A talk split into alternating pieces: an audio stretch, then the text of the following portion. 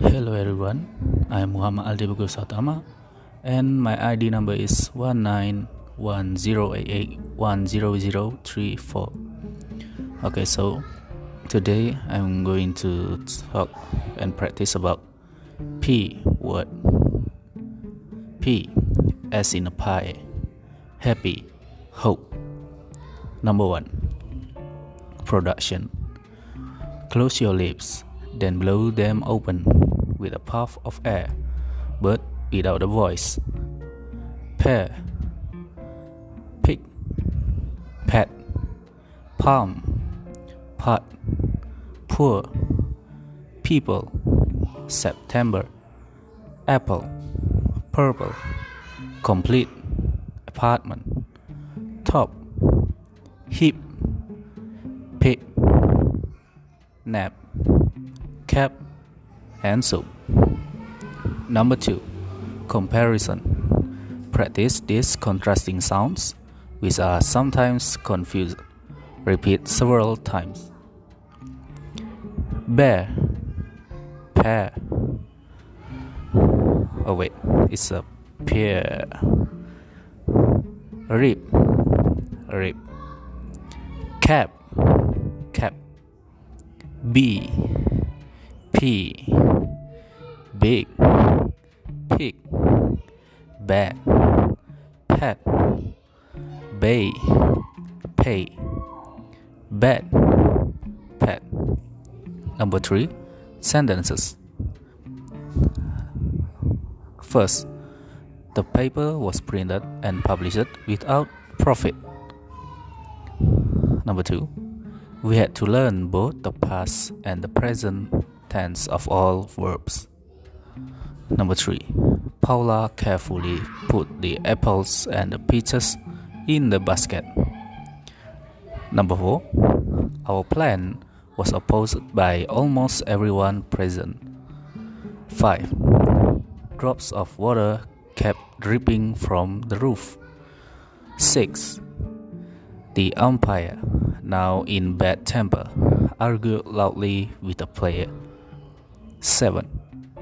Both the interest and the principal must be paid in September. 8. His only hope of escape lay through the opening in the fence. Number 4. Phrasing and intonation. Phrases blend together the words in each of these phrases to form a single unit that is pronounced each phrase as through it were a single word. Also stress the accented syllable rather, strongly, obscuring the vowels in the remaining syllables accordingly. A bad puppy. A big puppy. Much better pros. Prosy was that. A pretty bird. To be proud. To take a nap to play ball. My best cap. In the park. B. Sentences.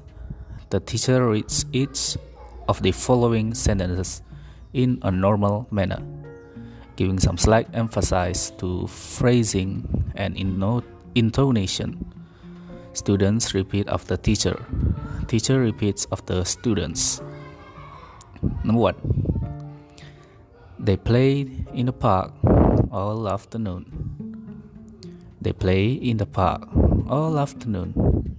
They play in the park all afternoon. Number two. Why didn't you buy some apples? Why didn't you buy some apples? Why didn't you buy some apples? Number three. Do you prefer pork or beef? Beef, sorry. Do you prefer pork or beef? Do you prefer pork or beef? Teacher and students continue in exactly the same manner with these sentences. Teacher reads, students repeat, teacher repeats. Starting with number 4. Paul practices playing the piano all morning. Number 5. I prefer peaches, but Peter likes plums. Number 6. I don't play bridge, but I like to watch others play. Number 7. What department does Peter work in? Number 8. Peter now works in the printing department. Number 9. Where did you buy that pretty play suit? And number 10. I bought it in Pratt's department store.